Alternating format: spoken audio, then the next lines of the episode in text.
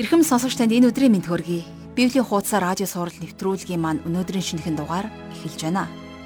Тэгэхээр чуулганы нэг хэсэг байна гэдэг бол албадлагын үүрэг хариуцлага биш юм. Чуулган өөрөө үнэхээр Христийн үг захиасын дагуу байгаа бол таныг угтан авч сонсож, залбирч, мөн мөн хамиг өгөх сайн мэдээг ярьж өгөх болно.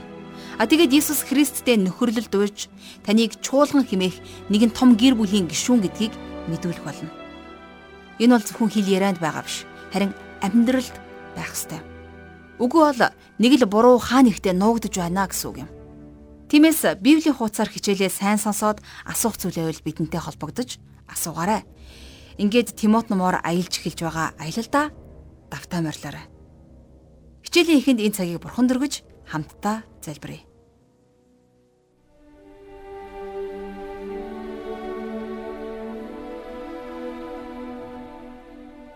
Бурхан Аава, таньда өнөөдрийн төлөө талархал магтаалыг өргөн залбирч байна. Энэ өдөр та бидэнд өөрийн амьд ариун үгээ өгөөч. Энэ өдрийн үгээр дамжуулан бид таныг улам илүүгээр таанч мэдхийг хүсэж байна. Нутгийн чуулганууд ямар байх ёстойг? Нутгийн чуулганы удирдагчид яг ямар байх ёстойг? Мөн чуулганы гишүүд нь ямар байх ёстойг та өнөөдрийн үгээрээ дамжуулан бидэнд илчлэн харуулаач.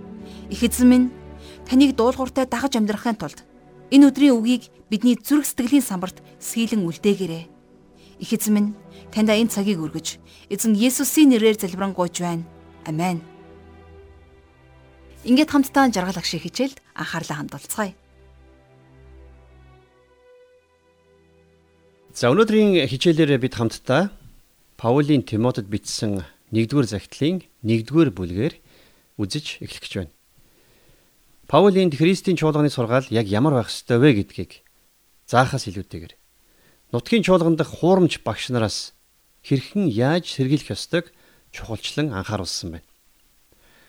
За Бурхны нэгүүлслийн сайн мэдээ нь чуулганы үндсэн сургаал байх ёстой гэж Паул энд тодорхой өгүүлсэн байна.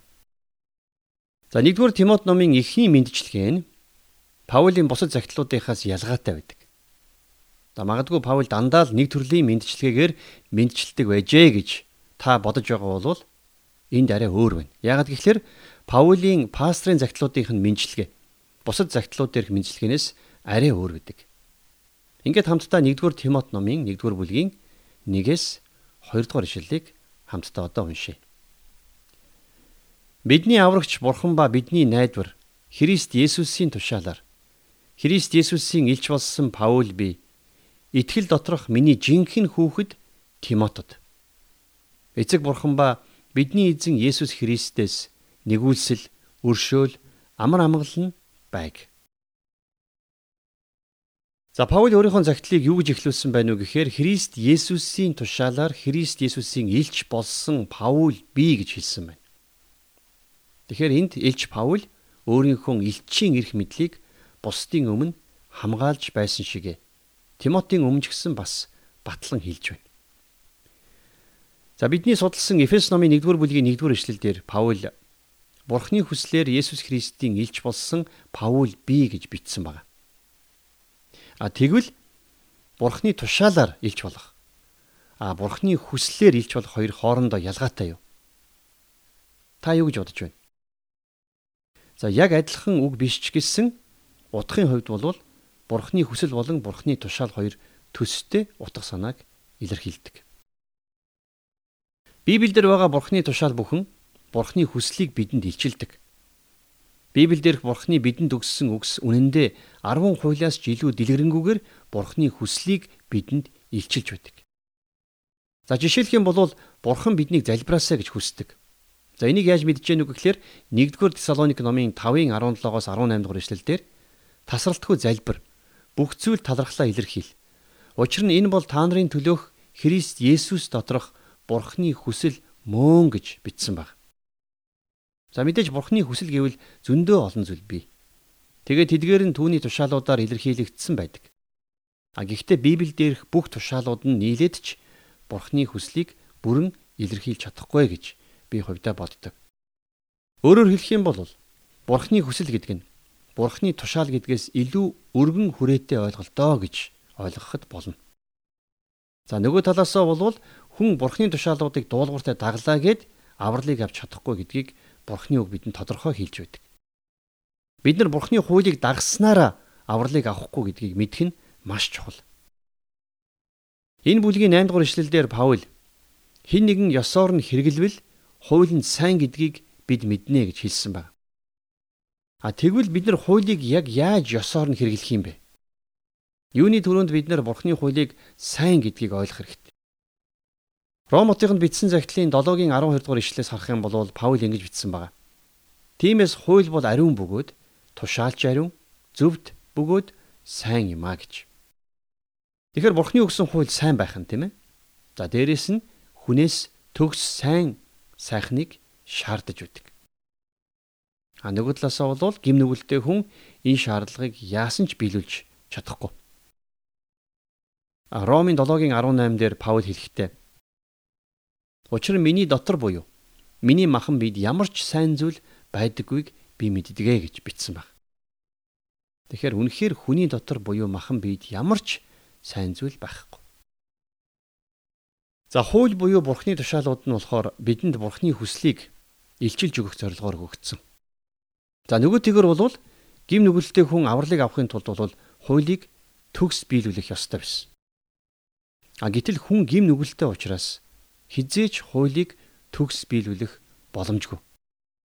За тийм учраас л бидэнд авралыг авах өөр зам хэрэгтэй гэдгийг хууль бидэнд ухааруулж байдаг. За энийг ухаарна гэдэг нь өөрөө хуулийг ёсоор нь хэрэгжилж байна гэсэн үг юм а. За магадгүй энэ танд жоохон адармаатай сонсогдож магадгүй.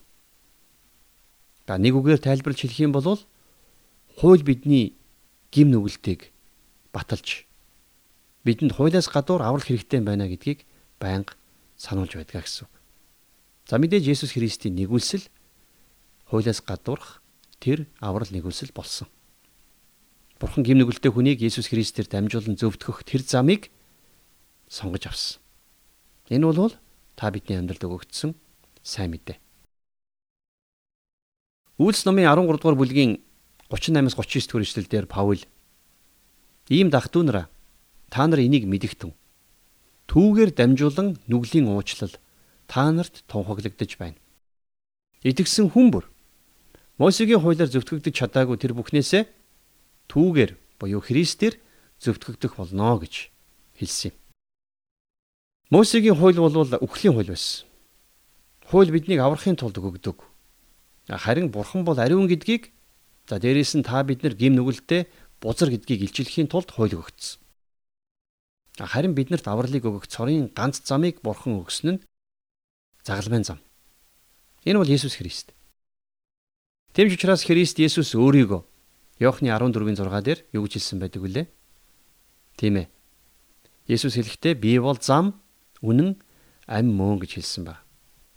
Тэгэхээр бурхан руу биднийг хүргэх цорын ганц зам бол хууль биш.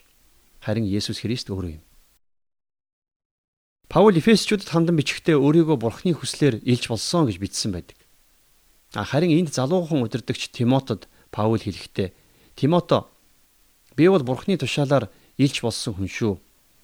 Бурхан намайг өөрөө илж болгосон. Бурхан хүссэн учраас илж болсон төдий биш. Бурхан надад тушаасан учраас би илж болсон юм. Надад хэцүү байхад ч гэсэн бурхан надад илж бол гэж тушаагаад элчийн ажил хийлгэж байсан үе надад байсан юм шүү гэж хэлсэн байна.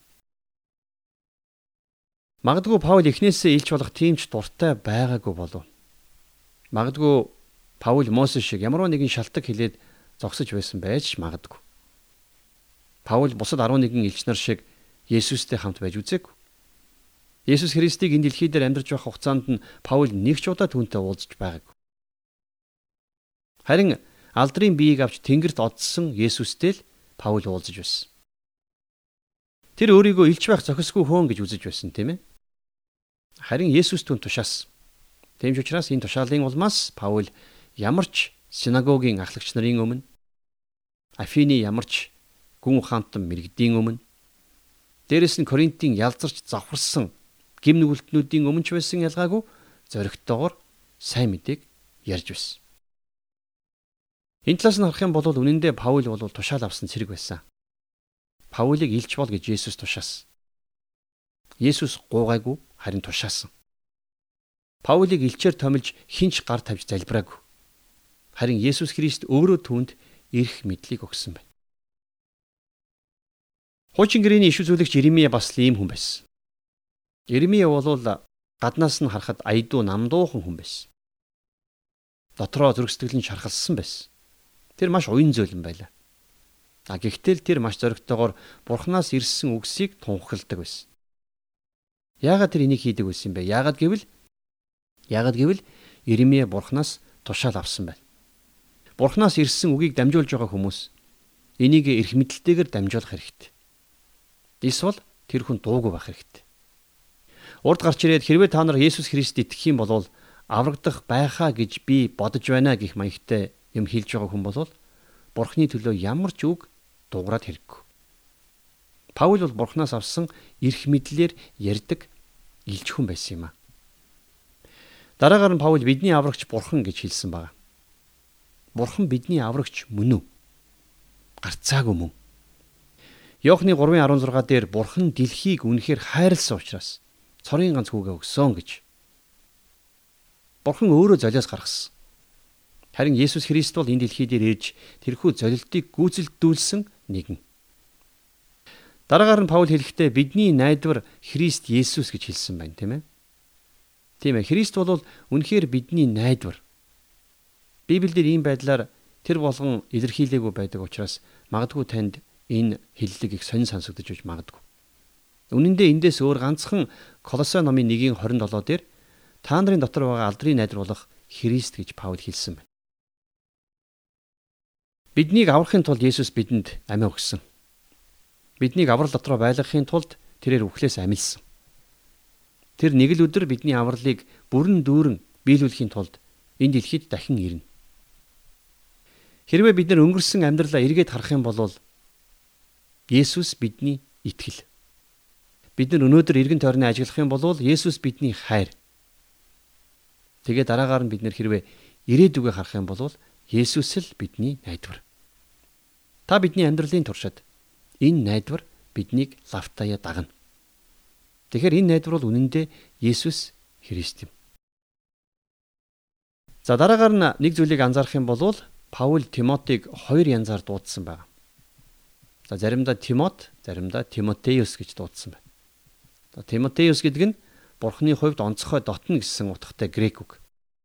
Өөрөөр хэлэх юм бол Тимот нь Бурхны хувьд ч дотно, Паулийн хувьд ч дотно, за бас дээрээс нь чуулганы хувьд ч гэсэн дотно нэгэн байжээ.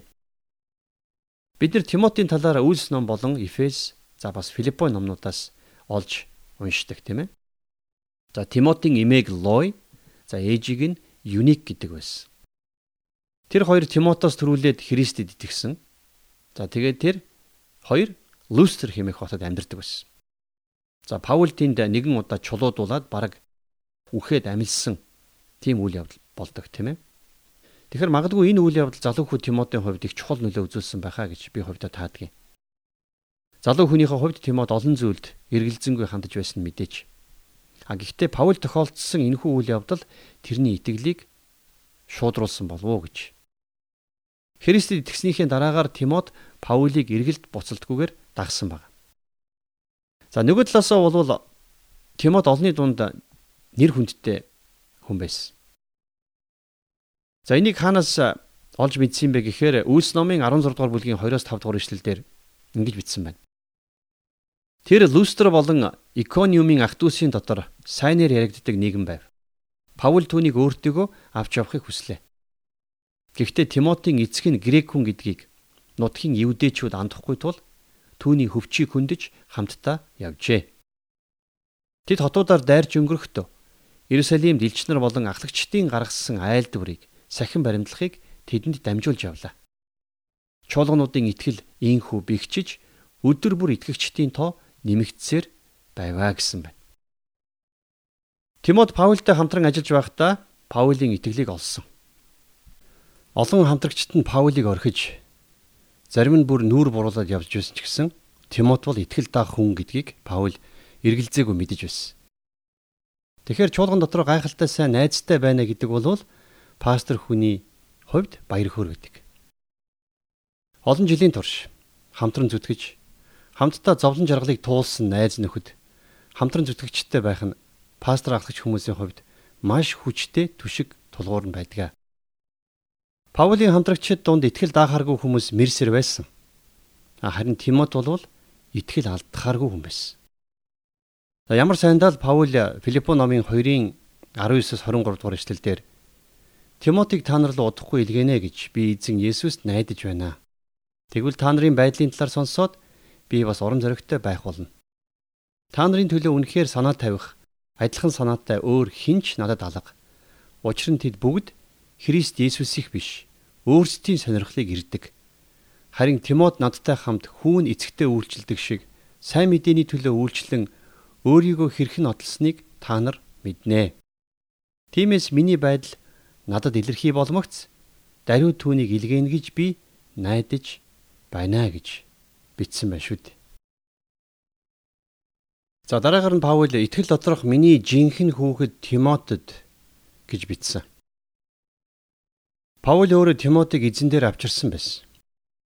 За нөгөөтэйгэр бол тэд нэр хоорондоо маш ойр дотн харилцаатай байсан учраас Паул Тимотиг миний хүү гэж дуудсан байна. Үргэлжлүүлээд эцэг бурхан ба бидний эзэн Есүс Христэс нэгүүлсэл өршөөл амар амгалан байг гэж Паул мэдчилгээгээ дуусгасан байна. Өнгөцгөө харах юм бол энэ хэсэг Паулийн бусад загтлуудын мэдчилгээтэй адилхан гэж харагдмаар. Өмнө нь нэгүүлсэл амар тайвныг Паул өрөөдгөл байсан. Харин энд өөр нэг үг нэмэгдэж орж ирсэн нь өршөөл гэсэн үг байна. Тэгэхээр өршөөл гэдэг бол хуучин гэрэн дээр хэрэглэгддэг байсан үг. За нэгүсэл гэсэн үгтэй илүү төстэй утгатай. Хуучин гэрээний үед бурханд дахил өргөх үед бурхны ариун зөвхт шудрах синти өршөөл нэгүслийн синти болон хувирдаг байж.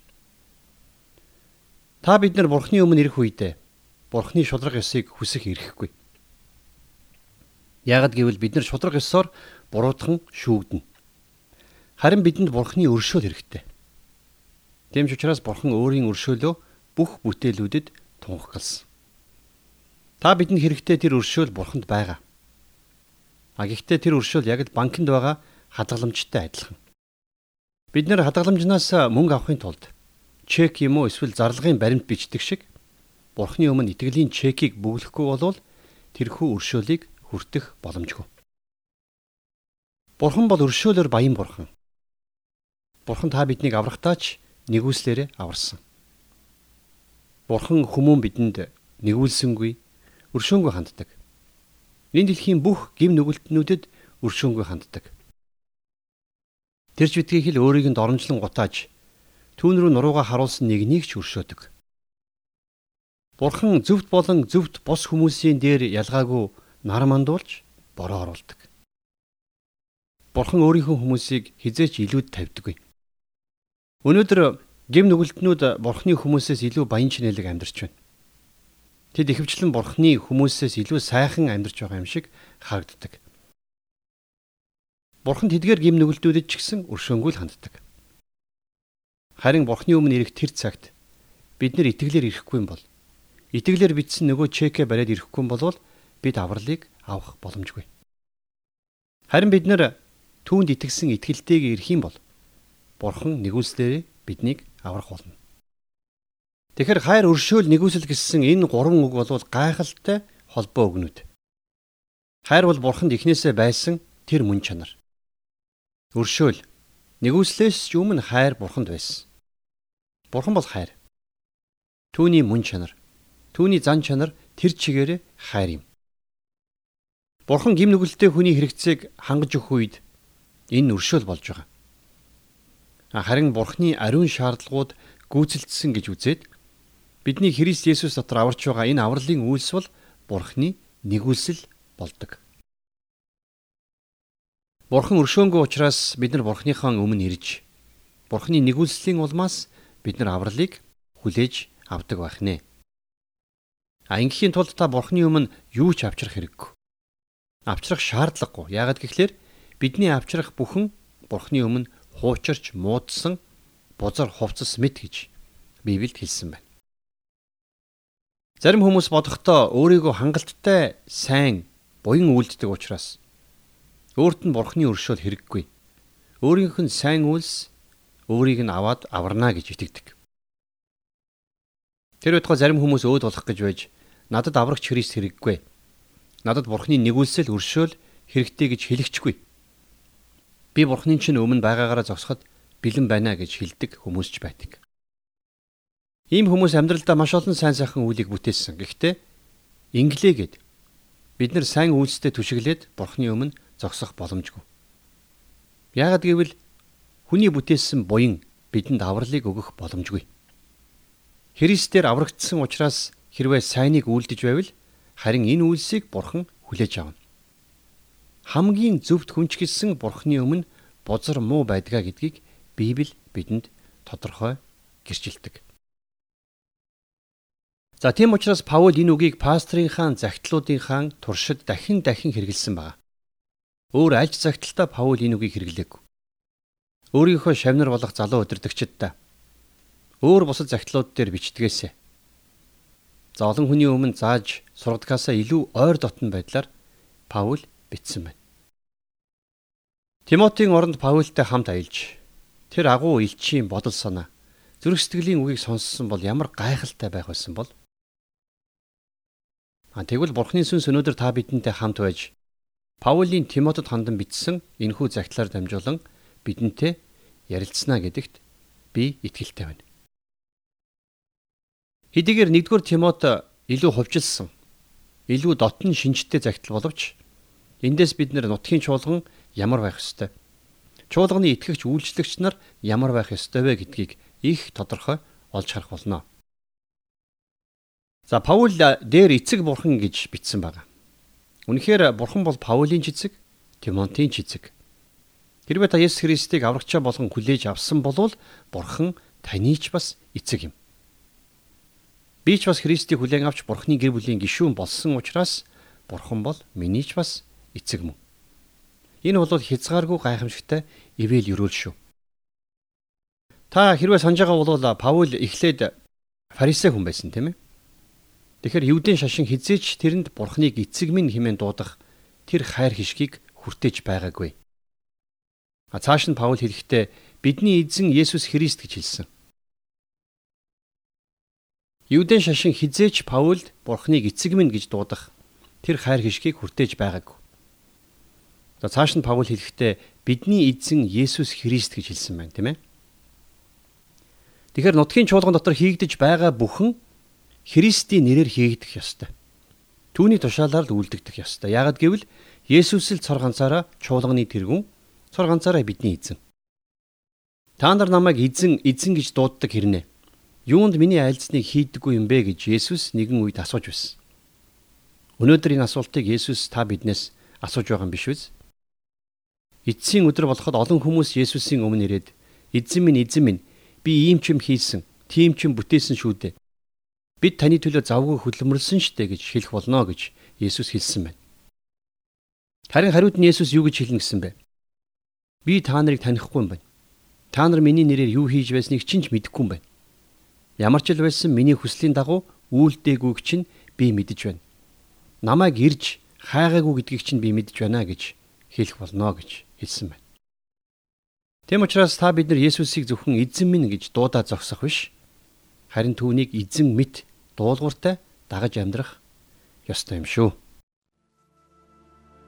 Тэгэхээр өнөөдрийн хичээл үнэхээр сонирхолтой байлаа. Бид өнөөдөр Тимот номын 1-р бүлгийн эхний 2 ишлэлийг хамтдаа уншиж судалсан байгаа хичээлийг зааж тайлбарлаж өгсөн жаргал агштай баярлалаа.